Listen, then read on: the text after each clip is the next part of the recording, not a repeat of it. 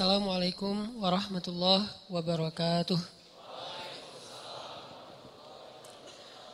Innal hamdalillah nahmaduhu wa nasta'inuhu wa nastaghfiruh wa na'udzu billahi min shururi anfusina wa sayyiati a'malina may yahdihillahu fala mudilla lahu wa may yudlil fala hadiyalah.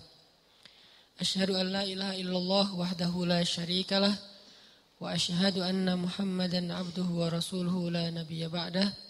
Allahumma salli wa sallim wa barik ala sayyidina Muhammadin wa ala alihi wa sahbihi ajmain.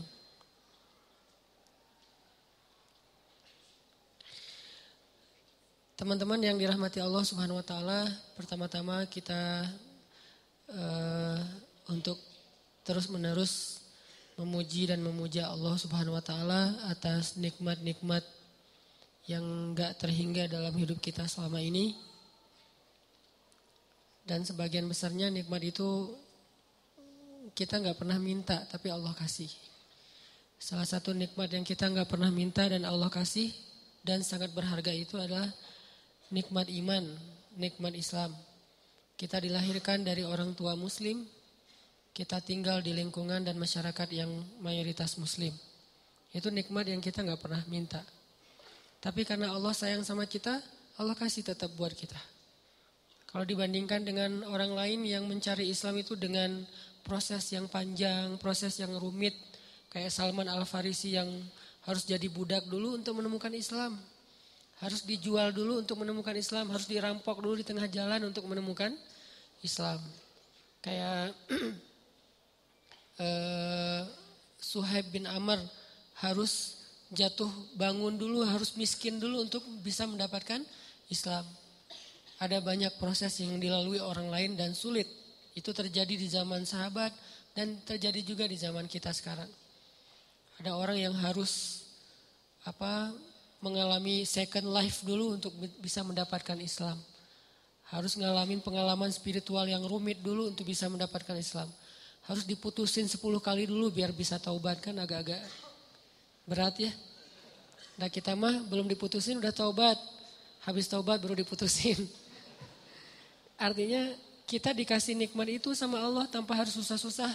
Lahir udah sebagai muslim. Orang tua dua-duanya muslim. Masyarakatnya mayoritas muslim. Kebayang nggak kalau kita lahir sebagai muslim, orang tua muslim tapi di rohinya. Yang berislamnya susah banget. Makin kelihatan Islamnya, makin kelihatan solehnya, makin besar ancamannya. Dibakar hidup-hidup, digorok di depan keluarga, orang tua eh, pasangan dan anak perempuannya dinonai di depan dia, dan dia nggak bisa buat apa-apa. Berislam yang sangat luar biasa beratnya di sana teh atau di Suriah, di Palestina yang Palestina mungkin udah hampir satu abad.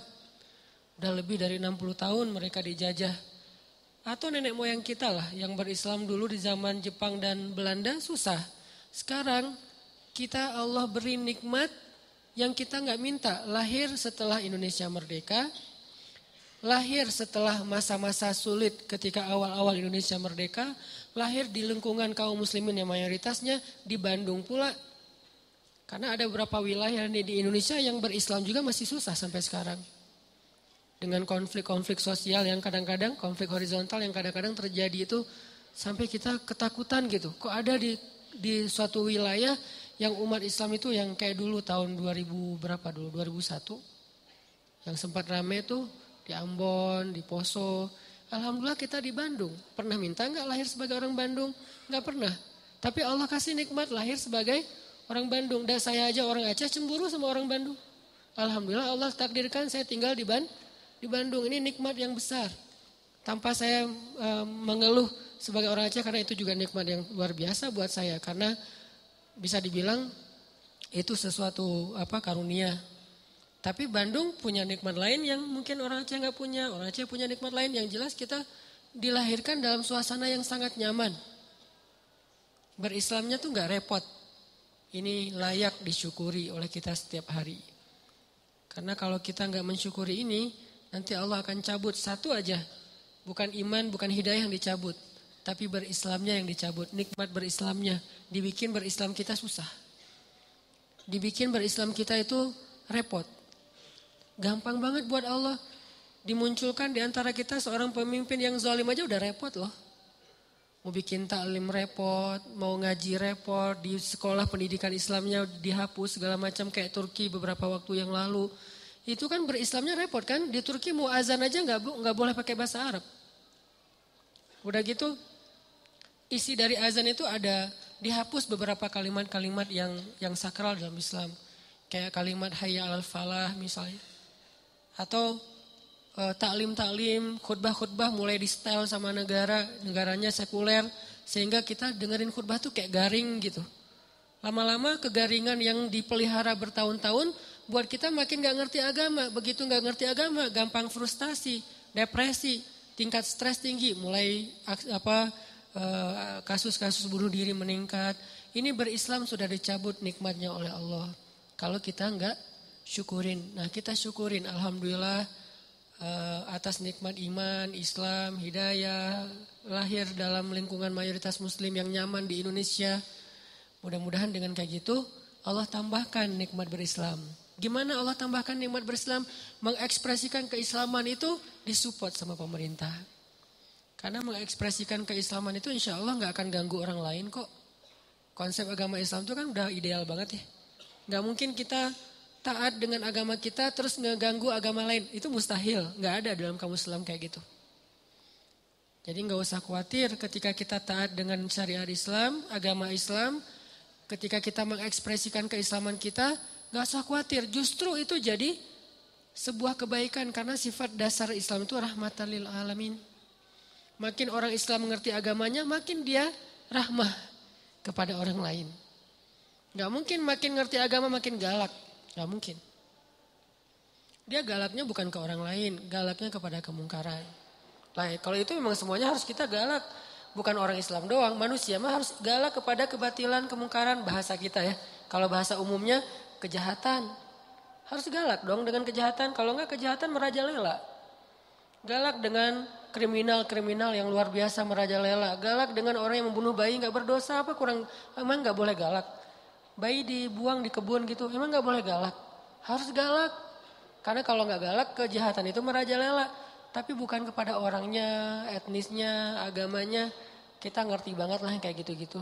Diajarkan oleh orang tua kita, ulama-ulama kita. Yang di atas semua itu diajarkan oleh nilai-nilai agama kita. Kita ngerti banget, gak usah diguruin dalam bab itu. Gak usah dikasih tahu, itu kita ngerti. Jadi makin kita berislam, insya Allah makin kita rahmah kepada orang lain. Ini kalau kita syukurin, Allah akan angkat untuk kita pemimpin yang semakin uh, kita syukuri, semakin baik pemimpinnya. Semakin kita syukuri nikmat berislam, semakin baik pemimpinnya. Kebayang gak sih enaknya kita jadi muslim?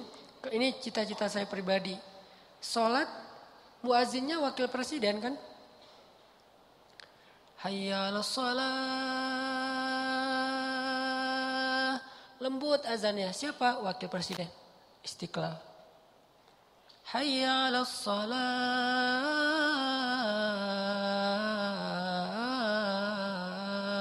Azan subuh. Wakil gubernur. Wakil wali kota. Imamnya wali kota, gubernur, presiden. Bacanya bukan al-ikhlas. Bacaannya itu ayat-ayat yang yang baper banget gitu. Al-Ikhlas keren, cuman itu kesannya ya.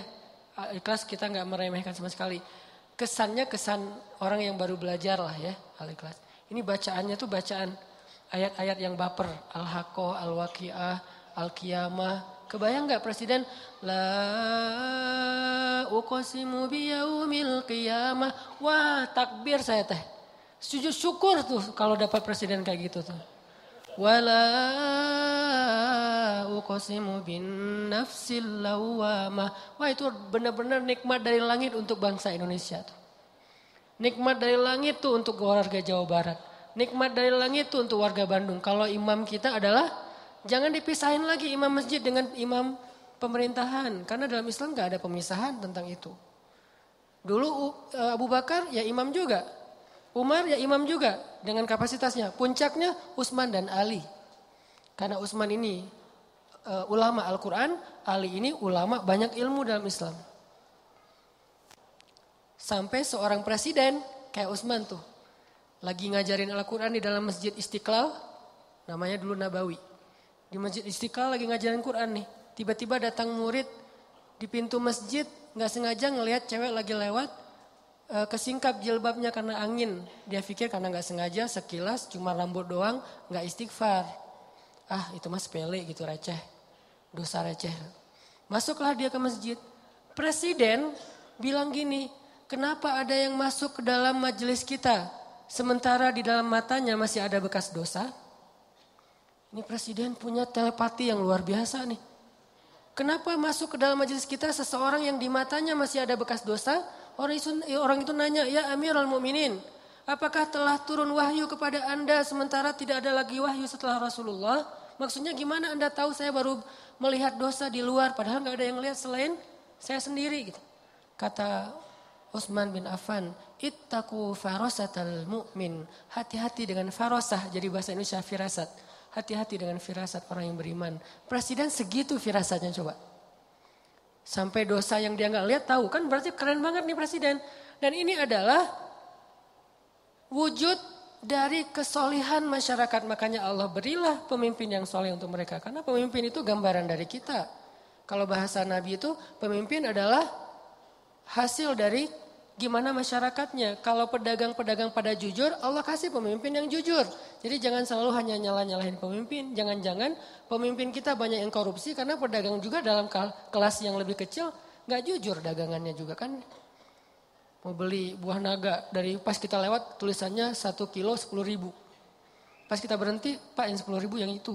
Loh, ternyata sepuluh ribu di bawah nggak kelihatan. Yang di display dua puluh ribu, tapi tulisnya sepuluh ribu. Gimana kita mau dapat pemimpin yang jujur? Bukankah salah satu cara Allah menghukum masyarakat yang curang adalah dengan menghadirkan pemimpin-pemimpin yang curang? Dan Allah tahan air hujan itu hukuman jadi bukan dari pemimpinnya, balik lagi kepada kita. Syukuri nikmat itu. Itu kemenangan dakwah buat saya ya. Saya nggak tahu masalah politik tapi dari angle saya sebagai orang sebutnya ustadz nih. Harapan besar saya tuh pengen banget sholat suasananya kayak di Masjid Nabawi di zaman para khulafaur rasyidin. Itu keren banget. Yang azannya wakil presiden, wakil gubernur, wakil wali kota, yang imamnya adalah orang nomor satunya. Dengan bacaan yang fasih. Dan dia menghayati bacaan itu. Dan insya Allah ini bukan berarti ah jangan agama uh, politisasi agama. Enggak, enggak sama sekali. Bukan urusan itu. Apa salahnya kita berharap pemimpin kita bacaan Al-Qurannya bagus kan? Bukankah itu bagian dari kesolehan kita dalam menerapkan agama Allah? Dan itu bukan hal yang berlebihan. Wah buat apa bacaan bagus tapi korupsi? Ya insya Allah itu kan bacaan bagus indikasi bahwa dia udah gak korupsi. Kita berharapnya kayak gitu, itu puncaknya. Saya gak perlu ngomongin bab korupsi, bab empati segala macam. Pastinya mudah-mudahan itu wajah displaynya adalah bacaan bagus. Tapi karakternya pastinya jujur, merakyat, adil kayak gitu-gitulah. Sekarang kita syukurin dulu nih nikmat berislam kita. Mudah-mudahan Allah terus memberi petunjuk kepada pemimpin-pemimpin kita dan mengangkat untuk kita pemimpin-pemimpin yang seperti harapan-harapan orang yang beriman. Terus kemudian salawat dan salam masih prolog untuk kekasih kita Nabi besar Muhammad Sallallahu Alaihi Wasallam. Benar-benar kita coba setiap hari belajar teman-teman belajar mencintai Nabi yang paling layak dicintai dalam hidup kita itu pertama Allah, kedua Nabi, ketiga orang tua, keempat mantan. Enggak, enggak masuk lah. Keempat adalah pasah, pasangan dan keluarga kita, kurata ayun. Kalau yang belum eh, punya minimal tiga dulu lah. Allah, Nabi dan orang tua. Itu urutan, ini bukan acak, urutan. Jadi kayaknya nggak fair kalau kita cinta banget sama orang tua kita, apalagi cinta banget dengan itu. Tapi ke Allah Rasulnya tuh kayak nggak ada greget-gregetnya, biasa-biasa aja. Giliran nama dia disebutin, kita langsung kayak ha Giliran nama Allah disebutin biasa aja, nggak ada rasa wajilat kulubuhum. Nah ini kayak nggak fair menurut saya. Belajar deh. Pelan-pelan dibangun itu, takjub sama Allah, ingat betapa baiknya Allah sama kita. Takjub sama Nabi, ingat betapa baiknya Nabi sama kita. Kalau saya sekarang membiasakan setiap, karena saya pengen respect banget sama Nabi semampu saya, kalau sholat sama Nabi itu saya takzim, menghargai. Misalnya Allah sholli ala sayyidina takzim banget. Kenapa? Sosok yang memang layak ditakzimin. Gak usah kita. Malaikat aja takzim sama Nabi. Apa takzim teh?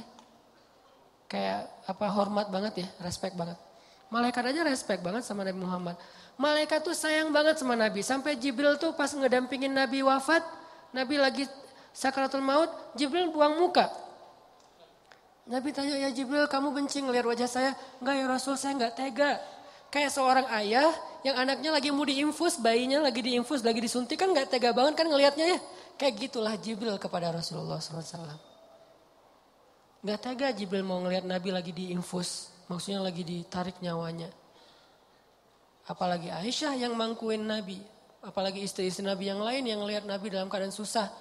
Di apa di ini keringat beliau keringat dingin karena sakaratul maut. Nabi dalam keadaan kayak gitu yang diingat siapa? Kita ummati. Ya Allah gimana? Karena Nabi pengen make sure ke Allah kalau nanti di akhirat beliau bisa mensyafati kita. Itu Dilan, dil-dilannya, Dilan, dil-dilannya Nabi terakhir. Maaf saya nggak mau promosi. Dan saya juga nggak nonton soalnya. Cari di YouTube. Deal-dealan Nabi sama Allah yang terakhir itu adalah make sure kalau Nabi itu bisa syafaatin umatnya itu tuh deal-dealan Nabi sama Allah yang terakhir loh. Ya Allah beri saya kesempatan mensyafati umat saya. Beri kesempatan umat saya masuk surga duluan. Umat saya, umat saya, umat saya. Sampai Allah ya, ya, ya, ya. Baru tenang beliau kembali kepada Allah. Itu permintaan terakhir Nabi. Kalau kita kan permintaan terakhir mungkin gak akan keingat orang lain. Jangankan orang lain mungkin keluarga aja nggak ingat. Pasti diri sendiri yang kita pikirin kan. Kalau Nabi yang dipikirin orang yang gak kenal sama beliau. Terus kita kenapa masih kikir untuk bersalawat sama beliau? Beliau aja yang gak kenal sama kita terus berusaha untuk memberi syafaat buat kita. Masa salawat aja males? Sallallahu alaihi wasallam. Dan kenabian beliau memang luar biasa. Saya baru dengar ada sebuah cerita nih keren nih. Apa? Dulu tuh ada seorang laki-laki namanya Ahban Ahban ini penggembala domba gitu. Lagi menggembala domba ya. Tiba-tiba ada seekor serigala naik ke atas uh, puncak bukit. Terus bicara kayak manusia. Ini di zaman Nabi. Seekor serigala naik ke atas bukit. Ngelihat uh, apa domba yang banyak digembalain sama Ahban. Dia bilang, ya Ahban kenapa kamu menghalangi dan mengawal menghalangi saya dari rezeki yang Allah tentukan untuk saya? Kata serigala, mana rezekinya? Domba. Kan dikawal terus sama Ahban nih. Sehingga serigala nggak bisa mendekat. Sehingga serigala ngeluh gitu, curhat gitu teh. Wahai Ahban, et Ahban gitu. Kenapa kamu menghalang-halangi rezeki Allah untuk saya berupa domba-domba? Ahban lihat kanan kiri, mana orang yang ngomong? Kata serigala, saya, iya saya, kata serigala teh. Oh kamu, ajaban, Mengagumkan sekali serigala bisa bicara seperti manusia. Kata Aban, kata serigala, ada yang lebih mengagumkan daripada ini. Apa? Ada seorang laki-laki di Madinah dan dia adalah utusan Allah. Dialah yang paling mengagumkan. Lebih gempar daripada serigala bisa ngomong. Beneran, beneran. Ini Aban ini orang Madinah. Dia nggak tahu tentang kenabian Rasulullah. Pulanglah dia ke kampungnya, nanya-nanya tentang Muhammad, tentang kenabian. Datanglah kepada Rasulullah. Begitu Ahban bertemu dengan Rasulullah, Rasulullah tersenyum dan mengatakan, apa yang dikatakan serigala itu kepadamu, wahai Ahban? Dia makin kaget. Ya Muhammad, bagaimana kamu tahu tentang apa yang saya bicarakan dengan serigala? Allah subhanahu wa ta'ala yang maha tahu segala sesuatu. Akhirnya asyhadu an la ilaha illallah wa annaka rasulullah. Banyak banget bukti-bukti kebesaran itu. Jadi nggak usah ragu lagi bahwa Muhammad Sallallahu Alaihi Wasallam adalah utusan Allah, orang terpilih yang Allah aja udah maafin kesalahan beliau tapi nggak menyebutkan kesalahannya. Tapi Allah maafin, tapi nggak disebutin kesalahannya. Saking mulianya Rasulullah Sallallahu Alaihi wasallam. Jadi teman-teman yang dirahmati Allah, mudah-mudahan walaupun ini disebut prolog tapi ini juga bagian dari konten penting buat kita sadari. Syukuri nikmat berislam kita. Nikmat hidayah, taubat, hijrah kita. Nanti Allah akan tambahkan. Suasana keislaman itu adalah nikmat yang paling besar yang Allah berikan kepada hambanya. Ketika suatu negeri bisa berislam dengan nyaman, berarti negeri itu dapat nikmat yang paling besar yang pernah diberikan kepada manusia. Karena dikasih harta, belum tentu negeri itu nyaman. Buktinya beberapa negara maju yang kita lihat futuristik banget, angka bunuh dirinya tinggi.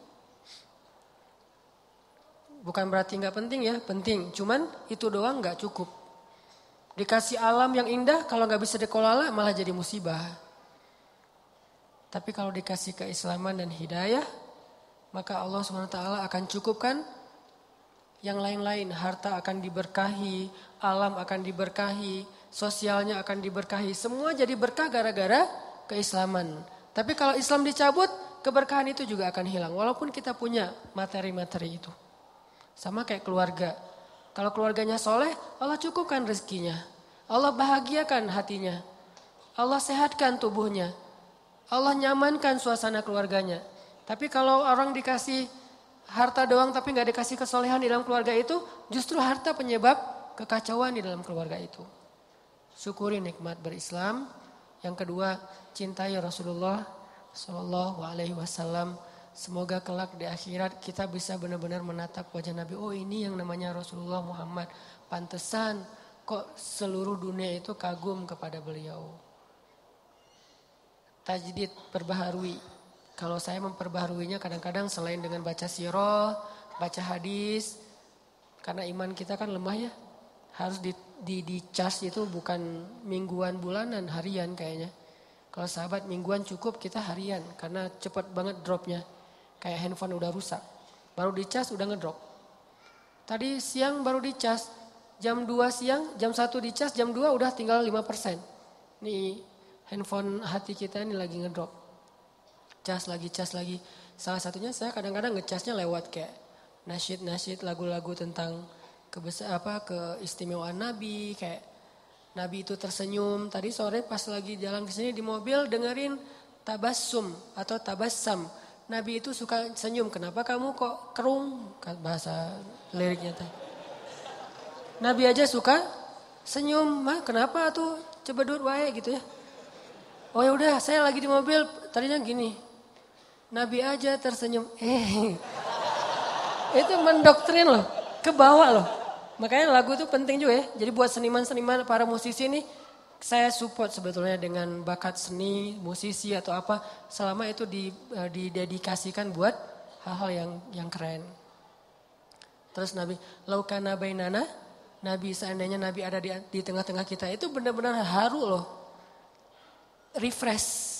Kayak kita nge-refresh semangat dengan mantan lewat lagu-lagu apa melo kan ya begitu dengar apa backsound aja nggak usah lagu backsound sebuah booster tentang yang kayak gitu-gitu apa uh, uh, Tokyo apa Cinderella story atau apalah kayak gitu-gitulah yang saya nggak ngerti Korea-Koreaan lah Jepang-Jepanan kok jadi kayak ingat lagi yang dulu terus tiba-tiba yang tadi kayak perasaan tadi asik-asik aja tiba-tiba pas dengar lagu itu jadi kayak keinget lagi dia yang menyakiti hati kita 20 tahun yang lalu gitu. Masih diingat aja. Kenapa kok bisa ke refresh lagu kan? Dengerin deh lagu-lagu tentang Nabi biar kita jadi selawat-selawat tentang Nabi biar kita nggak nge-refresh hati. Gak tahu teman-teman ya, kalau saya jujur pribadi ini, kalau dengar lagu-lagu tertentu tuh bisa kayak kayak apa gitu. Apalagi lagunya sebutlah misalnya uh, lagu cinta kita berakhir di Januari gitu-gitu kan itu kan ah sama lagi Januarinya. Nggak usah ketawa. Kan itu kayak kena banget. Oh sama banget ya kisahnya sama saya. Suka ke bawah-bawah gitu. Belum lagi nanti lagu-lagu yang wah pokoknya lagu-lagu mellow tuh bisa bikin refresh semangat rasa kita. Kenapa nggak lagu tentang Nabi Muhammad SAW selain pastinya Siroh, hadis, salawat udah pasti lah itu mah. Karena gimana-gimana juga kita butuh entertain, manusiawi. Dan Allah menciptakan itu untuk kita nikmati. Oke, kita bahas tentang empati. Buat saya, menurut saya nih, dalam bergaul kita terapin dua standar sikap. Sikap kita ke orang sama sikap orang ke kita. Gimana cara kita merespon itu?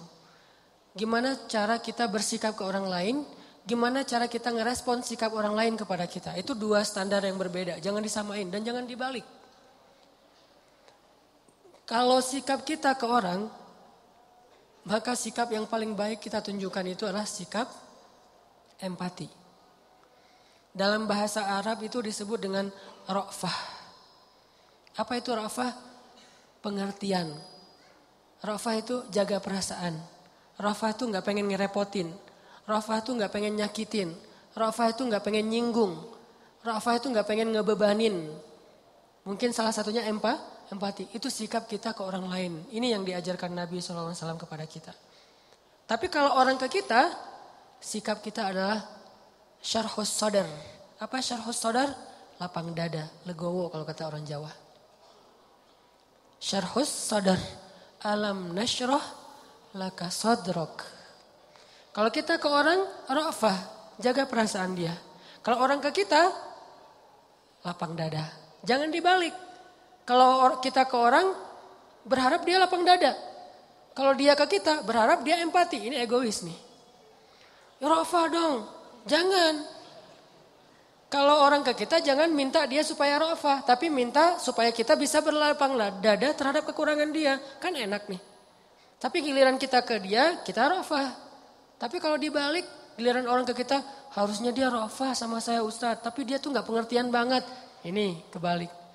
Terus giliran kita ke orang lain, ya dia harusnya kan berlapang dada. Kan saya manusia biasa, dibalik lagi. Sikap ini yang selama ini ketuker. Jadilah banyak chaos. Kita dengan pasangan, kita dengan teman kos-kosan, dengan teman kuliah, dengan dosen, dengan murid, dengan orang tua bahkan. Orang tua meminta anaknya supaya rafah kepada dia dan dia berharap orang anaknya juga uh, lapang dada terhadap dirinya. Ini nih anak juga kayak gitu ke orang tua nggak bisa. Makanya empati itu saya nggak akan saya berharap nggak bisa utuh kalau kita hanya bahas empati. Takutnya nanti kita berharap orang lain yang empati ke kita. Nggak gitu. Kita yang empati ke orang lain. Makanya ada hadis kita ke orang, ada hadis orang ke kita. Kayak yang dulu saya bilang hadis tentang doa orang yang terzalimi itu diijabahkan ya. Itu buat siapa?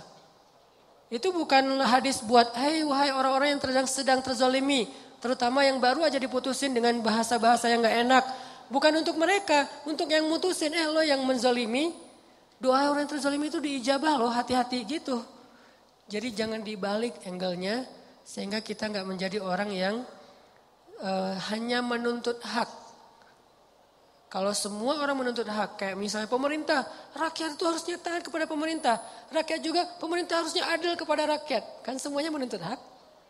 Kenapa nggak dibalik? Pemerintah ngomongnya, maaf ya rakyat saya belum adil kepada kalian. Rakyat juga, maaf ya kita belum terlalu taat sama suka demo aja, suka marah-marah misalnya. Kan gitu kan harusnya dua-duanya saling memberi kewajiban, memberi hak bukan menuntut hak. Apalagi kalau udah berpasangan nanti tuh. Istri ngumpulin hadis-hadis suami, suami ngumpulin hadis-hadis istri. Nggak beres-beres nih urusan ini. Pah, kata Nabi juga, kata istrinya. Perlakukanlah istri kalian dengan lemah lembut. Tuh, kata Nabi, Pah. Mah, kata Nabi juga, kalau saya boleh menyuruh manusia sujud kepada manusia, saya suruh tuh istri sujud kepada suami. Mama, mama pernah nggak sujud sama papa? Capek. Insya Allah nanti kita lanjutkan setelah sholat isya ya. Bismillahirrahmanirrahim, teman-teman yang dirahmati Allah.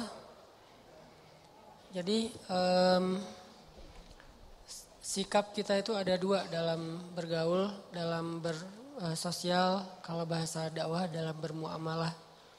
Pertama, sikap kita ke orang lain adalah rofah. Kalau ditanya dalil mah sebetulnya ada dan jelas banget di Al-Quran Allah menyebutkan pertama kalau di dalam surat Al-Qalam itu wa inna kala ala khuluqin Nabi Muhammad itu adalah teladan paling ideal dalam masalah muamalah. Akhlak paling ideal udah. Tinggal kita contohin aja gimana Nabi ke orang lain, gimana Nabi dari orang lain ke beliau. Kalau beliau ke orang lain, disebutin oleh Allah di surat At-Taubah 128 tuh. Akhir surat At-Taubah. Bil mu'minina ra'ufun rahim. Nabi Muhammad itu kepada orang yang beriman, ra'ufun. Ra'uf itu dari kata ra'fah. Ra'ufun dari kata ra'fah. Apa arti ra'fah? Jaga perasaan orang banget, empati banget, pengertian banget. Itu kalau beliau ke orang lain. Saking pengertiannya Nabi ke orang lain, sampai-sampai Nabi itu jadi sering jadi kayak uh, ngeberatin diri sendiri, jadi kayak korban gitu demi menjaga perasaan orang. Kalau ada sahabat bikin salah, Nabi nggak akan langsung negur beliau di depan umum. Negur orang itu di depan umum. Kan ini berarti kita dalam kehidupan sosmed kita kan kalau misalnya ada postingan yang kayak gimana menurut kita keliru, jangan di komen negurnya, di DM. Tapi DM-nya nggak dibaca Ustadz, japri. Gak dirit juga Ustadz, doa aja. Mudah-mudahan Allah kasih dia digerakkan untuk membaca. Kalau enggak lewat siapa gitu teman dekat, pokoknya jangan di depan umum deh. Itu kalaupun masukan kita benar. Jangan-jangan udah ramai di depan umum ternyata salah pula. Ini kan berarti kita kayak agak-agak konyol gitu kan ya. Kenapa? Karena kita nggak jaga perasaan orang lain. Jangan sampai kita terbiasa walaupun e, sosmed itu kan terbuka ya, siapa aja bisa ya, tapi tetap muslim ada etikanya. Jangan sampai kita terbiasa dengan sosmed yang terbuka akhirnya bebas mau ngucapin apa aja sampai kata-kata yang gak pantas juga keluar. Kayak tadi saya baru ngedelete beberapa komen dari postingan saya yang kemarin kan yang masalah daya kolot. Ada yang komen sampai kata-katanya gak enak gitu. Saya delete. Kenapa kok masa di komen ada istilah nama hewan di situ teh? Kan gak pas gitu. Terus ada yang istilahnya mencela apa segala macam. Ini kayaknya orang yang nggak ngerti lah nggak tahu dari mana asalnya. Udah aja saya delete. Sekalian orangnya di blok kenapa saya blok bukan benci sama orangnya? Dia udah nggak benar cara bermedia sosial. Dan ini nggak sehat buat yang lain ini harus dihentikan. Tapi saya nggak mau ngerespon yang kayak gitu-gitu males. Jadi malah rame. Nah ini namanya empati jaga perasaan pengertian sama apa orang lain rasain tempatkan diri kita kalau saya diginin nyaman gak ya? Nah kayak gitu. Ra'fah bil mu'minina raufun rahim. Sangat menjaga perasaan. Jangankan perasaan manusia, Nabi perasaan hewan aja dijaga loh. Perasaan hewan, ya. Sampai ada hadis kalau di kitab Riyadus Solihin itu larangan berbicara atau ber apa bercakap-cakap di atas kendaraan. Maksud kendaraan di situ hewan tunggangan. Dilarang dalam Islam itu dua orang laki-laki sambil naik di atas hewan tunggangannya, terus hewannya berdiri aja nganggur, kita ngobrol gitu. Nggak boleh dalam Islam. Kalau pengen ngobrol yang lama, apalagi ngopi-ngopi, udah aja turun dari hewan, biar hewan itu cari makan, istirahat dulu. Dia mungkin mau berebah atau ngapain gitu, ngelurusin kakinya apa capek kan.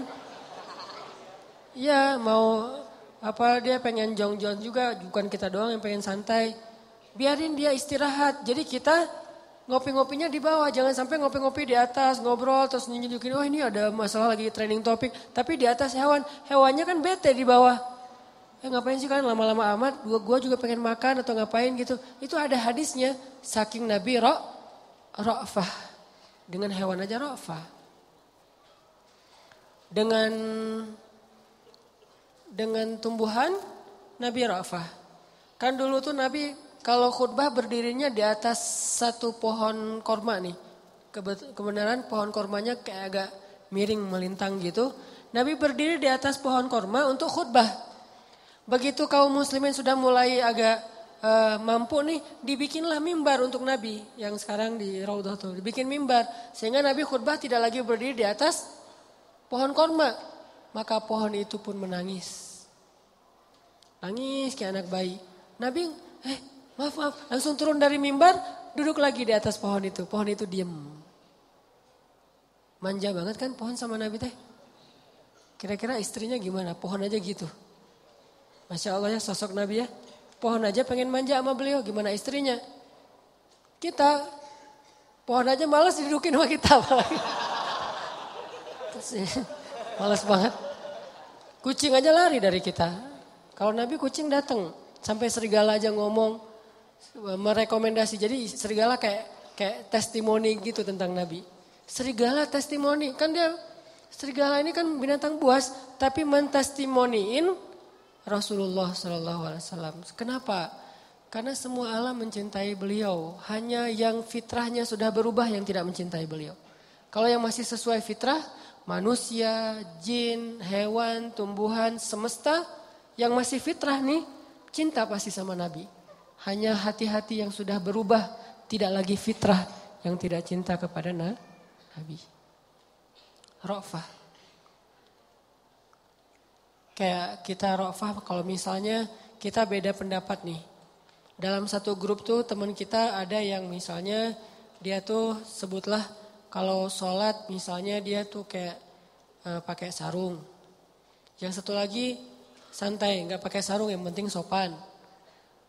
Jangan sampai kita broadcast di grup itu tentang hal-hal yang menyinggung perasaan teman kita yang berbeda cara ritual. Yang satu tahlilan, yang satu tidak. Yang satu mauludan, yang satu tidak. Yang satu mungkin ngerokok, yang satu enggak. Enggak usah dibahas di depan orang banyak. Saya sampai kadang-kadang bingung ngejawabnya. Ada yang nanya ke saya, Ustadz, apa hukum rokok? Gimana nih jawabnya nih? Karena dia uh, sedang ngerokok, nanya hukum rokok di depan orang banyak. Kalau saya bilang boleh, saya berpendapat rokok itu enggak boleh, apalagi di depan umum kalau misalnya mengganggu orang lain.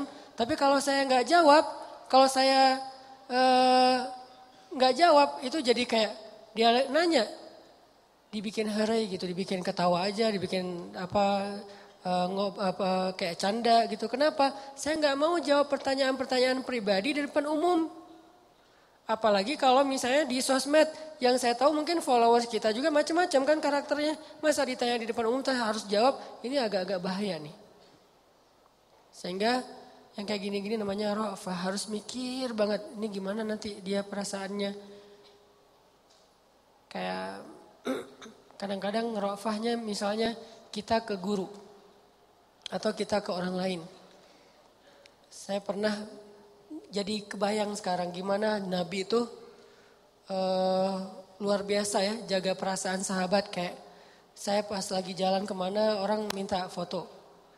Usahanan boleh foto. Kadang-kadang lagi capek banget, kadang-kadang lagi sibuk, bahkan kadang-kadang lagi makan gini. Pas mau, eh sana boleh foto? Ah, oh iya, foto. Jadi saya pengen rafah ke dia. Dia juga kalau kita jadi sebagai orang yang mungkin ngefans sama orang, rafah gitu. Oh ustadznya lagi makan, oh ustadznya lagi kayak WA. Kadang-kadang lagi saya lagi kayak WA gitu, ada yang harus diberesin cepat. Ustadz lihat dulu ke kamera. Eh iya, Ustaz, ntar lagi nih tadi blur, apa segala macam. Ini kan Rafa, saya kebayang, bayangin.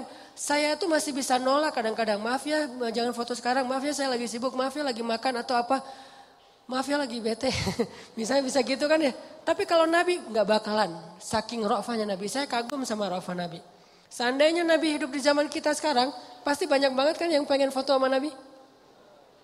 Kadang-kadang ada DKM di beberapa kota nih kalau saya keluar kota kan kita coba men, apa mengkondisikan se apa sewajar mungkin. Boleh foto tapi kalau udah terlalu ramai kan jadi kayak jadi nggak maksimal ya. Saya kadang-kadang mau ceramah tapi yang ngajak fotonya rame jadi udah nggak nggak nggak kondusif ditahan. Kadang-kadang ada beberapa DKM inisiatifnya bagus. Siapa yang pengen foto semua kesalahan? Silakan baris. Hah?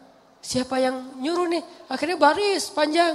Ustaz itu di, di luar banyak yang pengen foto. Udah diatur sama dia. Kan ini luar biasa ya. Buat saya yang sekarang dalam kondisi yang orang pada ngajak foto tuh lama-lama capek juga gitu. Saya kebayang Rasulullah kalau hidup di zaman sekarang pasti nggak akan nolak kalau orang ngajak selfie. Nabi boleh selfie? Boleh. Nabi boleh selfie? Boleh. Nah, pasti boleh, pasti boleh. Nggak mungkin Nabi jawab nggak boleh. Terus gimana dong kalau Nabi udah berat? Allah yang akan jadi manajernya Nabi itu. Gak boleh. Kenapa? Ada ayatnya. Banyak dulu di zaman Nabi orang datang pengen curhat sama Nabi itu. Surat curhat. Al-Mujadilah. Al-Mujadalah. Nabi saya pengen curhat. Nabi terus ngantri itu pengen curhat sama Nabi. Sama kayak ngantri pengen curhat ke, ke Ustadz gitu. Banyak banget. Dan Nabi kan juga butuh waktu sendiri untuk istirahat, untuk keluarga gitu kan. Cuma Nabi tipe orangnya nggak bisa nolak. Nabi boleh curhat, boleh. Nabi boleh curhat, boleh. Nabi boleh curhat. Terus aja lewat japrian, lewat telepon, ketemu langsung. Semuanya pengen curhat sama Nabi. Akhirnya karena Nabi orangnya nggak bisa nolak, Allah turunkan ayat. Kalau kalian pengen curhat sama Nabi, sedekah dulu. Sampai di kayak bahasa kita mungkin lebih ke dikomersilkan. Bukan Nabi pengen, bukan. Cara Allah menghentikan orang-orang yang curhatnya nggak penting. Curhatnya, Nabi saya pengen punya apa, Alhamdulillah istri saya baru hamil, boleh minta nama. Mungkin penting buat dia, tapi kan kalau jadi terlalu banyak kan lumayan juga buat energi Nabi kan ya. Padahal agenda dakwah Nabi banyak nih. Akhirnya Allah bikin ayatnya, walaupun itu ayatnya mansuh, sudah dihapus. Tapi ayatnya masih ada hukumnya yang dihapus di surat Al-Mujadilah kalau kalian pengen curhat kepada Nabi, sedekah dulu. Sejak harus bayar, kalau mau curhat sama Nabi, mulailah berkurang orang yang curhat. Tadinya yang curhat banyak banget nih, sejak berbayar, udah enggak lagi. Sekarang kalau curhat, registrasi dulu. Satu curhat, Nabi juga bingung berapa ya, berapa ya. Nabi nanya ke Ali, Ali berapa? Kata Ali, satu eh, genggam gandum ya Rasul. Satu genggam gandum itu kurang lebih sekitar tiga ribuan lah. Tiga ribu, Kata Nabi, ah kamu mah zuhud banget kata Nabi. Akhirnya ditetapkan sekian yang angka itu bikin orang kalau nggak penting-penting amat malaslah curhat. Kalau penting banget dia akan bayar dan Nabi juga buat untuk dirinya disedekahin lagi buat fakir miskin itu pernah berlaku loh. Baca nanti surat Al-Mujadilah.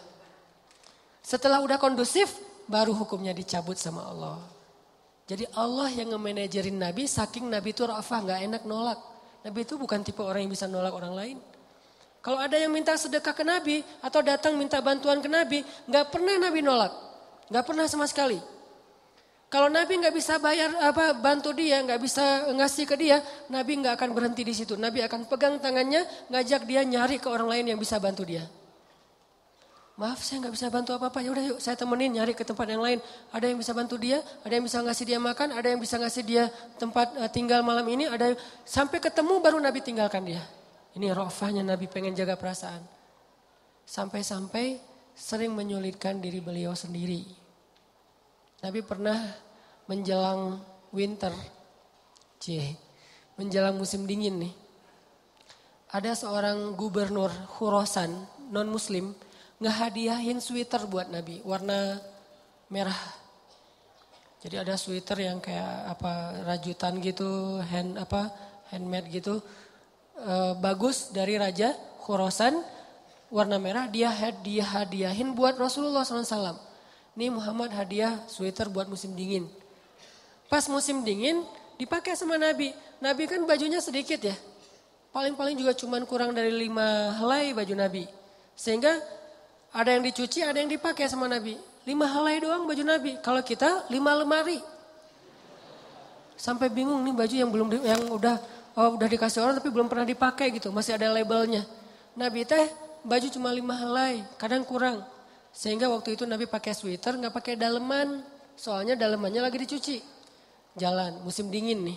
Di Arab juga kalau lagi musim dingin di bawah 10 kan, dingin banget. Apalagi sekarang udah bersalju kalau sekarang mah. Keluar rumah, musim dingin, pakai sweater. Dilihat sama seorang laki-laki badui, badui itu mungkin orang jalanan lah yang mungkin secara bahasa juga kasar.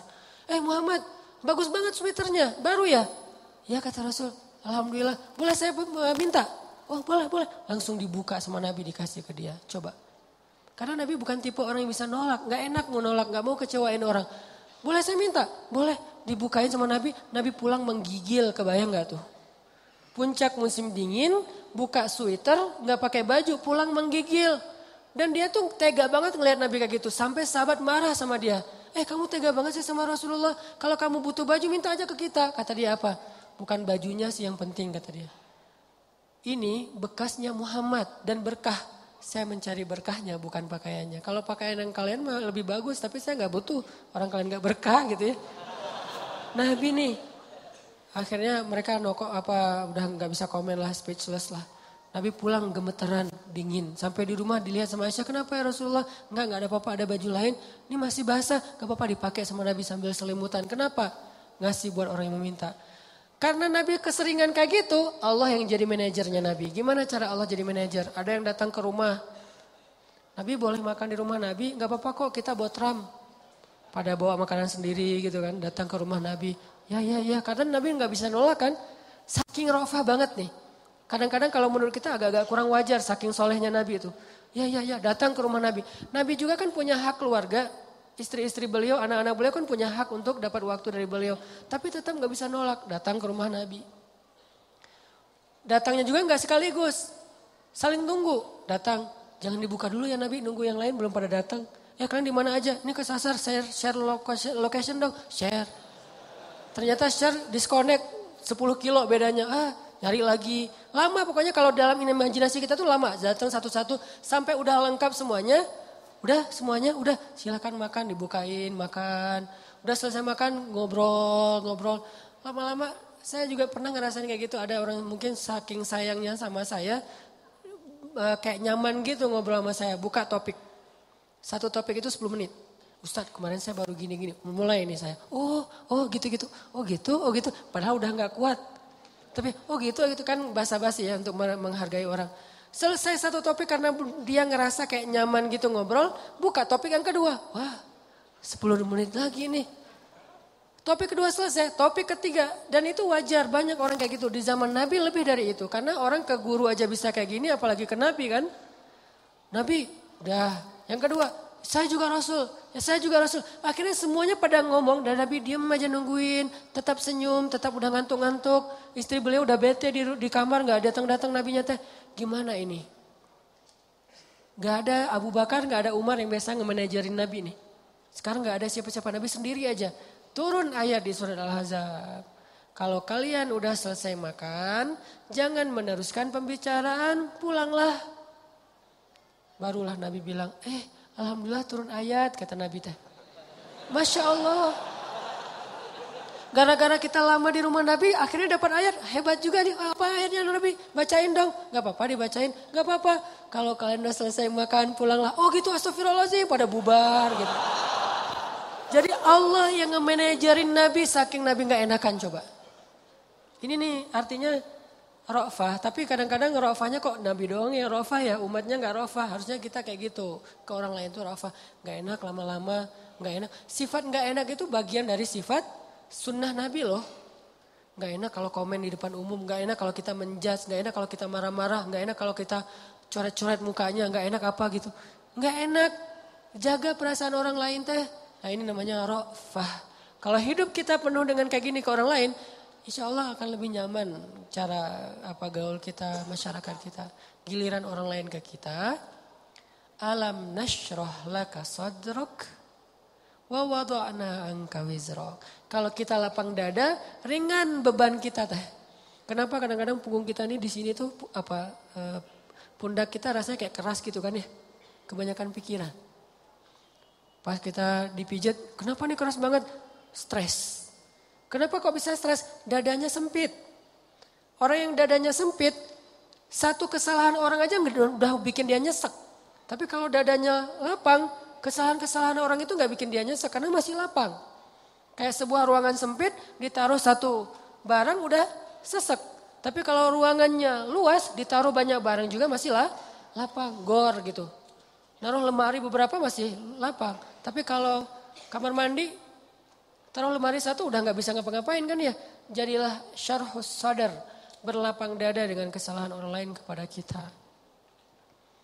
Sehingga kita nggak gampang nyesek kita nggak gampang stres, kita nggak gampang nyimpen, nggak gampang sakit punggung kita. Kayak gitu Allah bilang alam nasyrah laka sadrak. Kalau udah lapang dada, wa wada'na anka wizrak. Kami turunkan beban-beban kamu. Alladzi anqadha dhahrak yang memberatkan punggungmu. Caranya gimana? Fa inna ma'al usri yusra. Inna ma'al usri yusra, fa idza faraghta fansab, wa ila rabbika farghab. Itu kan ajaran supaya syarhus sadar.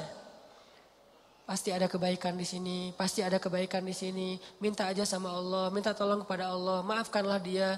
Supaya kita enggak angkodallah enggak memberatkan punggung, enggak jadi berat sendiri gitu. Jadi stres sendiri, jadi kayak eh, terbeban sendiri. ini kalau orang kepada kita. Kayak misalnya cara lapang dada itu kayak uh, husnuzon salah satu yang paling penting. Oh pasti bukan saya maksudnya. Kadang-kadang kan kita suka baper sendiri ya. Ada yang ngomong apa chat di grup kita ngerasa kayak di sped gitu. Wah ini gua banget nih yang diomongin. Padahal enggak. Bukankah kita sering dengerin khutbah atau ceramah seseorang ustadz itu kayak ustadz itu kenal kita banget? Kok ustadz itu jadi tahu masalah saya sih? Enggak, dia enggak tahu masalah kita. Allah yang menuntun lisannya karena pengen menasihati kita lewat dia. Tapi dia enggak tahu, jadi jangan ke kegeeran, jangan baper sendiri. Wah Ustaz ini pasti ngomongin saya nih. Enggak, Ustaznya juga enggak tahu masalah kita. Karena ada beberapa kasus yang saya pernah kayak gitu, saya lagi ngomongin apa, terus tiba-tiba ada jemaah yang kayak tersinggung. Wah Ustadz ngomongin saya nih di depan umum, siapa juga orang saya enggak kenal orangnya. Kenapa kok persis? Saya juga sering kayak gitu kan udah dua tahun ini kan saya nggak khutbah Jumat nih. Kenapa nggak khutbah Jumat? Salah satu alasannya saya pengen Jumat itu privasi waktu buat anak laki-laki saya. Karena dia sekarang udah tiga tahun, saya kasih jatah pokoknya Jumat, Jumatan harus di Cihanjuang bareng Yahya. Karena saya pengen dampingin dia ke masjid hari Jumat. Alasan kedua, ada penyakit ustadz yang dulu pernah saya alamin. Apa penyakit ustadz? Keseringan ngomongin menasehati orang, jarang dinasehati. Nah saya pengen Jumat itu waktu saya mendengar nasihat buat diri saya sendiri. Awal-awal itu benar kerasa. Pas pertama pertama dengar khutbah orang, apaan sih ini kayak gini ngomongnya? Ada tuh, ego-ego ustadz kayak gitu tuh muncul tuh. Itu kan yang lagi diobatin tuh. Wah nggak gini, saya tahu dalilnya lebih dari ini mulai. Muncul gitu-gitu tuh. Awal-awal kayak gitu, tapi astagfirullahaladzim, sombong banget sih gue. Udah, terus kalau ada yang ngomongnya kadang-kadang kayak nggak nggak nggak mungkin belum belum terbiasa ngomong depan umum agak-agak apa nervous mungkin atau agak-agak kaku gitu. Muncul rasa sombong tapi lama-lama di recovery diperbaiki apa?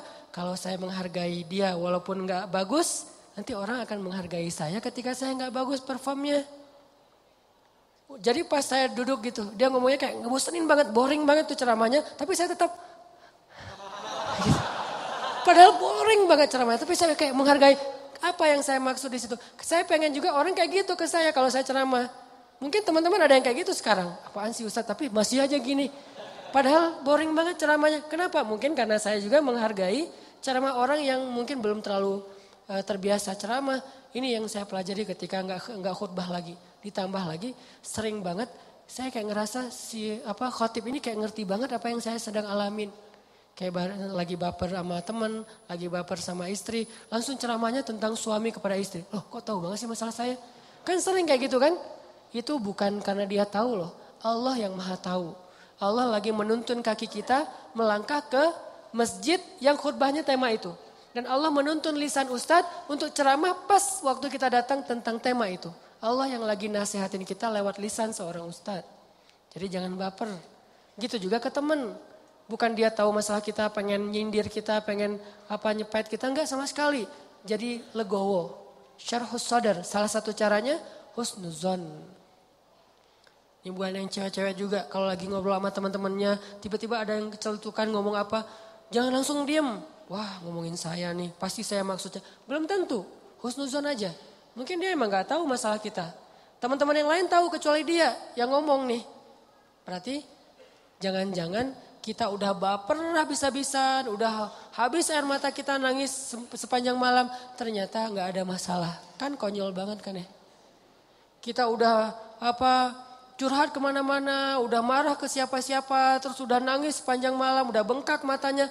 Besok pas tabayun, eh maaf ya saya nggak tahu kalau ada masalah itu. Oh jadi kamu nggak tahu? Nggak tahu, rugi dong air mata saya udah satu ember. Ini sering terjadi. Kenapa? Karena kita nggak syarhus sadar nggak husnuzon dulu sama orang lain. Kalau misalnya menurut kita dia tahu banget masalah saya masih diomongin. Oh mungkin dia silap, mungkin dia lupa, mungkin dia terlanjur ucap. Atau enggak, enggak, enggak dia pasti ngonsep tuh soalnya captionnya tuh panjang banget. Pasti dia nulis. Kalau gitu mudah-mudahan dia udah sadar sekarang. Belum sempat aja minta maaf ke kita. Yang jelas dia udah sadar, udah minta ampun ke Allah. Husnuzon, husnuzon, husnuzon. Bukankah Allah mengatakan ijtanibu katsiran minaz-zan? Satu-satunya yang layak kita seuzon itu cuma setan. Bukan orang. Minimal kita bilang bukan dia, dia nggak maksud kayak gitu. Setan yang menuntun lisan dia. Setan yang bikin dia mengatakan itu dan dia udah sadar sekarang. Setan aja yang disalah-salahin nggak apa-apa. Apa salah saya kata setan? Ya emang salah. Apa salah saya? Ya kamu jadi setan itu. kan suuzon yang diperbolehkan buat setan doang kan. Kayak Nabi Yusha ketika lupa masalah ikan dengan Nabi Musa pas nyari Khidir. Apa kata Nabi Yusha? Wa ma ansanihu illa syaitanu an adhkurah. Maaf ya Nabi Musa, tidak ada yang buat saya lupa kecuali syaitan. Jadi yang dikambing hitamkan oleh Nabi Yusha adalah setan. Lagian kalau kita ada masalah pasti kita ngomongnya apa? Auzubillahi rajim. Setan bilang, enggak enggak, saya enggak godain kamu, kamu aja sendiri kegeeran. Kan bisa aja gitu kan ya. Tapi tetap itu udah fitrah. Nah, dia setan. Tapi kalau jin enggak, kita enggak boleh seuzon sama jin. Ada penampakan apa, nih kayaknya mau ganggu saya sholat tahajud nih. Enggak, dia cuma lewat doang gitu. Tapi kalau setan benar, enggak khusyuk, pasti setan. Enggak bisa move on, pasti setan. Wujudnya manusia. Kan setan itu minal jinnati wan nas ya, dari jin dan manusia tuh. Enggak, enggak, enggak. Bercanda, astagfirullahalazim. Nah, nanti saya di report di band lagi akun saya. Sama mantan-mantan. Eh, banyak gening. Oke. Okay. Uh, ke dari orang ke kita syarhus sadar. Secara syarhus sadar lapang dada gimana? Husnuzon. Dan ini nggak bisa sekaligus teman-teman saya juga masih belajar husnuzon. Oh mungkin, oh mungkin, oh mungkin. Iltamis li akhika alfa uzrin. Cari seribu alasan buat saudara kamu. Kalau nggak bisa gitu minimal cuek. Arti cuek nggak usah dipikirin. Nggak usah dibahas. Kadang-kadang ngebahas satu masalah sebetulnya cara lain buat setan untuk bikin kita nggak pernah bisa selesai dengan masalah itu. Terus saja dibikin berlarut-larut. Kayak ada teman kita habis ada masalah sama temannya yang lain. Gak usah dibahas sama kita. Eh kemarin gimana masalahnya udah beres? Jangan ditanya, udah aja lupain. Begitu kita tanya dia akan bilang lagi. Ya tuh nggak apa kemarin dia masih ngomongin saya. Oh gitu, terus kita pancing-pancing lagi tuh. Harapannya apa? E, niat kita pengen empati. Padahal itu bukan empati itu. Pengennya kita berpihak sama dia. Itu nggak berpihak. Tahu nggak apa arti namimah atau mengadu domba? Kata Nabi, la yadkhulul jannah an-nammam. Enggak akan masuk surga orang yang suka mengadu domba. Enggak akan masuk surga. Nah, adu domba itu ada dua, teman-teman. Ada adu domba orang yang memang jahat, ada adu dombanya orang soleh. Orang soleh juga bisa mengadu domba. Gimana caranya? Kalau orang yang gak soleh mengadu domba, dia sengaja membuat fitnah di antara dua orang sehingga mereka jadi baperan jadi putus silaturahim ini nggak soleh. Insya Allah kita nggak akan kayak gitu. Saya yakin nggak ada niat kita ngadu domba orang. Tapi kita mungkin banget terjebak di adu domba yang kedua. Adu dombanya orang soleh nih. Gimana ngadu dombanya? Nih saya kasih contoh. Si A ngomongin si B di depan kita. Tapi nggak sampai kan ke si B. Kita yang dengar, si B nggak dengar. Misalnya kayak dia lagi ngejapri kita, yo yo dia gini gini gini. Kita akan yang tahu Terus kita capture, kita forward ke si B. Eh, ini aku bukan mau manas-manasin ya. Tapi ini cara jawabnya gimana nih dia ngomong kayak gini tentang kamu. Kita capture, sakit hatilah si B. Oh ternyata dia ngomongin saya di belakang. Itu perumpamaannya kata para ulama. Si A mana si B, tapi nggak kena anak panahnya jatuh di lantai.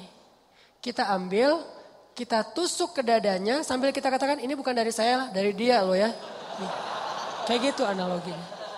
Itu namimahnya orang soleh. Adu dombanya orang so, soleh. Jadi kita nggak niat memfitnah. Kita niat pengen menyampaikan kebenaran, kita lagi empati, pengen tabayun, gak usah, gak usah tabayun kepada korban, tabayunnya kepada pelaku. Apa bukti kamu ngomong kayak gitu? Gitu, nanya ke pelaku, jangan, eh bener gak yang dia omongin? Jangan, salah nih. Konsep tabayun itu bukan kepada korban yang dibicarain, kepada yang ngebicarain. Jadi kayak ada teman kita yang ngomong hal-hal yang gak benar, tanyanya balik ke dia, apa bukti kamu ngomong kayak gitu? Kalau benar, gak usah disampaikan. Kita kebalik, eh dia ngomongin kamu kayak gini, gini, gini, benar gak? Nah, Ini konsep tabayun yang akhirnya bukan tabayun jadinya, namimah. Udah jatuh tuh anak panah di lantai, kita ambil kita tusuk. Eh, ini bukan dari saya ya, dari dia. Dia terus ketusuk, makasih ya kamu udah nyampain anak panah ini ke saya. Dia emang gak bener nih orangnya. Padahal yang nusuk bukan dia loh, orang ini nih. Kan kita kadang-kadang kayak jadi akrab gitu dengan orang yang sering ngebukain sebuah masalah ke kita kan. Walaupun bikin kita bete, kita anggap dia kayak setia banget, berpihak banget sama kita, empati banget. Enggak, enggak, enggak, ini salah. Enggak kayak gini caranya. Harusnya kita bilang, kalau kamu tahu itu nggak nyaman buat saya, jangan disampaikan. Gitu harusnya. Tapi dia ngomongin kamu, biarin aja dia ngomongin. Yang penting kan saya nggak dengar, sehingga saya nggak sakit hati ke dia. Mudah-mudahan Allah maafin dia, kan selesai. Justru gara-gara kamu sampaikan ke saya, saya jadi sakit hati ke dia. Allah nggak maafin dia, Allah nggak maafin saya nih. Putus silaturahim kita berdua. Kamu nih pelakunya nih. Kok jadi saya sih? Ya kamu. Oh rame perang segitiga. Kan ini yang terjadi kan selama ini. Ini lebih realistis menurut saya daripada namimah yang memang niatnya jelek buat saya sih. Saya husnuzon sama kita semuanya. Gak ada lah niat kita jelek pengen memfitnah orang gak. Tapi seringnya kita terjebak tanpa kita sadari. Justru karena kejujuran kita. Karena ke keakraban kita dengan teman kita. Jadi kita ngebuka hal-hal yang dia gak perlu dengar. Itu sering banget kayak gitu. Saya juga kadang kayak gitu. Misalnya ada yang bicara apa tentang apa... Uh, istri saya. Saya nggak suka tuh. Dia bicarain istri saya gini-gini gini misalnya depan uh, temennya. Temennya ngasih tahu ke saya. Terus saya kan jadi sakit hati sama orang itu ya. Saya juga ngasih tahu ke istri. Saya istri saya lebih sakit hati lagi sama dia. Ini salah, dia salah, saya salah. Harusnya saya diem aja. Papa udah tahu kan masalah ini, kenapa nggak kasih tahu ke mama? Karena papa berharap mama nggak tahu. Tapi daripada mama tahu dari orang lain, ya berarti orang itu yang salah, bukan papa. Kenapa dia ngasih tahu ke mama? Kan gitu kan?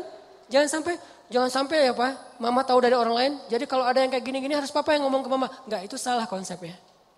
Enggak boleh kita menyampaikan sebuah informasi walaupun benar, apalagi enggak belum tentu benar. Walaupun benar kepada orang yang kalau dia dengar dia akan sakit hati atau sedih, enggak boleh. Diamin aja. Kalau ada hal yang enggak benar, kita yang mengklarifikasi. Enggak, enggak, enggak, enggak, enggak kayak gitu. Saya kenal dia gitu. Jangan biarkan dia tahu masalah ini. Kalau terlanjur tahu, berarti ada orang yang gak tahu konsep namimah level 2. Namimah level 1 emang gak ada niat baik. Namimah level 2 justru karena niat baik.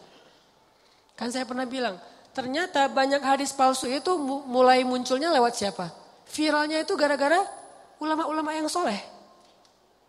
Jadi banyak riwayat hadis palsu itu di antara para ulama yang soleh loh. Bukan sengaja pengen memalsukan hadis. Kenapa? Karena ulama soleh ini terlalu husnuzon. Misalnya nih, ada yang datang ngomong ke saya, Ustadz, saya pernah mendengar hadis gini, gini, gini, gini. Saya sebagai Ustadz, oh gitu? Ya, saya nggak pernah curiga kalau dia itu nggak jujur. Atau kalau dia itu dengarnya nggak nggak nggak utuh. Sehingga saya meriwayatkan lagi. Orang dengarnya dari saya juga nggak curiga kalau saya akan main-main dengan hadis kan. Sehingga tersebarlah hadis palsu. Bukan karena ada orang yang jahat, ada memang sebagian hadis palsu gara-gara penjual pedagang. Biasanya hadis palsu itu pedagang, penguasa dan ulama. Ini tiga penyebab hadis palsu. Pedagang pengen ngelarisin barang dagangan. Siapa yang memakai jubah atau sorban 7 meter di hari Jumat, maka dia akan mendapatkan uh, dijauhkan dari api neraka tujuh kali langit dan bumi. Untuk jualan sorban 7 meter. Siapa yang makan buah ini maka dibebaskan dari uh, uh, apa namanya uh, sihir. Dia jualan buah itu. Ini bisa muncul hadis palsu dari penguasa. Siapa yang mengangkat seorang penguasa yang kayak gini maka Allah melaknat dia. Gara-gara apa? Saingan politik. Ulama menyebarkan hadis palsu kenapa? Karena nggak pernah berpikir orang akan bermain-main dengan hadis Nabi sehingga dia percaya aja kepada orang itu. Baru nanti di masa berikutnya ulama ketika ngelihat banyak banget hadis palsu mereka perbaiki. Ini riwayat dari siapa, ini dari siapa. Bisa jadi periwayat hadis palsu itu adalah orang soleh, ulama besar. Kenapa bisa ngeriwayatin? Husnuzon. Gak mungkinlah dia bohong atas nama Nabi. Langsung diriwayatkan balik kepada orang lain. Orang yang mendengar, gak mungkinlah Ustadz bohong atas nama Nabi. Terus saja hadis palsunya nyebar. Itu teman-teman. Jadi namimah mengadu domba juga bisa kayak gitu. Gara-gara kita terlalu akrab dengan teman kita. Eh kemarin ada yang ngomongin kayak gini, benar nggak? Siapa? Si Fulan. Tapi uh, ini aku karena ke, ke kamu dekat ya teman, jadi aku sampaikan nih. Terus yang teman yang dengarnya, makasih ya udah disampaikan. Kenapa makasih? Harusnya kita bilang, lain kali jangan disampaikan ya yang kayak gitu-gitu ke saya. Harusnya kayak gitu. Kenapa kita malah makasih? Makasih ya udah nyakitin hati saya kan gitu kan ya bahasa lainnya mah ya.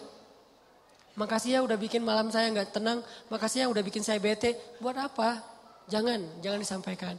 Makanya ketika Nabi mau ketemu seseorang, seorang sahabat mencegat di tengah jalan. Ya Rasulullah, Rasul udah kenal dengan orang itu? Belum. Orang itu ya Rasul, stop kata Nabi. Kamu ingin menyebutkan aib-aib dia tentang saya? Ya, ya Rasul, biar Rasulullah tahu siapa orangnya. Jangan, saya nggak mau ketemu seseorang yang membuat saya bete duluan tentang dia. Biar saya ketemu dengan dia dan saya nggak tahu apa-apa tentang dia. Jadi Nabi bisa nyaman. Ini cara Nabi menghargai orang lain. Jadi teman-teman, kalau kita ke orang jaga perasaannya, kalau orang ke kita berlapang dada. Husnuzon, maafin, lupain, gak usah dibahas, gak usah diperpanjang. Apalagi kita kayak ada kasus misalnya, ada dua orang yang lagi punya masalah rumah tangga. Kita kayak sebagai temennya atau fansnya atau followersnya kita kayak pengen nunjukin sikap membela gitu. Salah satunya kita bela, akhirnya kita bikin akun khusus untuk pembela si A. Yang B juga pembela si B. Akhirnya kita rame gitu. Sebetulnya kita lagi mengadu domba dua orang suami istri ini loh. Harusnya kita kalau nggak bisa mendamaikan, diam. Biar mereka menyelesaikan masalah mereka atau selesai dengan sendirinya karena tidak ada yang respon. Makin direspon makin rame nih. Itu kan terjadi. Jangan-jangan nauzubillah nih teman-teman, ada peran kita di dalam perceraian dua orang yang mungkin terjadi atau tiga orang atau empat orang atau sekian banyak orang cerai gara-gara kita nih. Kenapa gara-gara saya Ustadz? Gara-gara kita ngebelain dia. Makin dia mantap untuk menceraikan pasangannya. Benar juga ya kata kamu, berarti saya harus menceraikan istri saya. Enggak, saya enggak nyuruh cerai ya, tapi dia emang kayak gitu orangnya. Dan ini sering kayak gitu. Ke teman kita juga kayak gitu, ke kantor, di kuliah, di persahabatan. Ini namimah teman-teman. La yadkhulul jannah an-namam. Gak masuk surga orang yang menyebarkan permusuhan atau mengadu domba.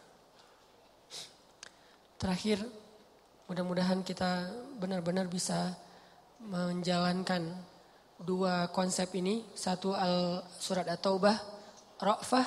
Satu lagi surat Al-Insyirah, syarhus sadar dalam bergaul kita sehingga insya Allah kita nggak punya banyak uh, masalah dalam di antara teman-teman kita. Udahlah, jangan sampai kita larut terus membahas masalah pribadi. Ada banyak masalah umat yang harus kita bahas. Kalau kita benar-benar seorang muslim yang empati kepada umat, mending kita habisin energi kita buat ngomongin dayah kolot, ngomongin banjir di Bandung Selatan, ngomongin orang-orang yang pengangguran, ngomongin teman-teman kita yang kena narkoba di luar negeri, ngomongin Rohingya, Suriah, Palestina, apa yang bisa kita bantu buat mereka? Mending energinya dipakai buat itu daripada habis terus energi untuk masalah kita pribadi. Kayaknya egois banget sih. Di sana banyak yang butuh pertolongan kita, kita malah sibuk dengan urusan pribadi. Pribadi itu buat saya itu nggak keren. Kita terlalu egois membahas masalah pribadi. Boleh, tapi porsinya jangan kegedean. 30% aja, 70 persennya untuk umat. Saya juga punya masalah keluarga. Semua orang punya masalah keluarga, tapi saya nggak mau berlarut-larut. 30% aja. Sisanya kalau saya ketemu sama teman, pasti yang dibahas masalah kemaslahatan umat. Mudah-mudahan ini bermanfaat. Mohon maaf kalau ada salah kata. Dan semoga Allah memberi ilham dan taufik dalam hati kita untuk menjalankan apa yang sudah kita dengar, bukan hanya jadi wawasan, bukan hanya jadi uh, apa namanya teori, bukan hanya jadi sekedar wacana, tapi memperbaiki perilaku dan akhlak kita. Karena wawasan yang tidak diamalkan namanya bukan ilmu. Ilmu itu wawasan yang sudah diamal, diamalkan. Tapi mengamalkannya juga nggak bisa sekaligus teman-teman. Kenapa kita ngaji setiap Rabu, setiap Minggu? Karena kita pengen terus berusaha memperbaiki diri. Termasuk saya sendiri nih. Saya ngomongin teman-teman tuh sama kayak menceramahi diri sendiri loh. Kadang-kadang di rumah juga istri ingat materi ceramah kemarin. Oh iya iya iya. Gitu kan suka gitu ya. Karena menceramahi orang justru balik lagi ke kita. Jadi semua kita belajar termasuk saya. Memperbaiki diri terus. Ayo kita sebagai muslim ciptakan suasana sosmed yang lebih bijak. Sosmed yang lebih elegan. Sosmed yang lebih kreatif, produktif. Bukan sosmed tempat kita mengumpat, mencela, haters, bukan. Kita muslim. Tunjukkan bahwa Islam itu emang keren, elegan banget. Karena kita mewakili agama kita. Nanti ah, teman-teman kita di beda agama, mereka juga punya PR menunjukkan sikap dari mewakili nilai-nilai agamanya. Kita juga punya PR itu.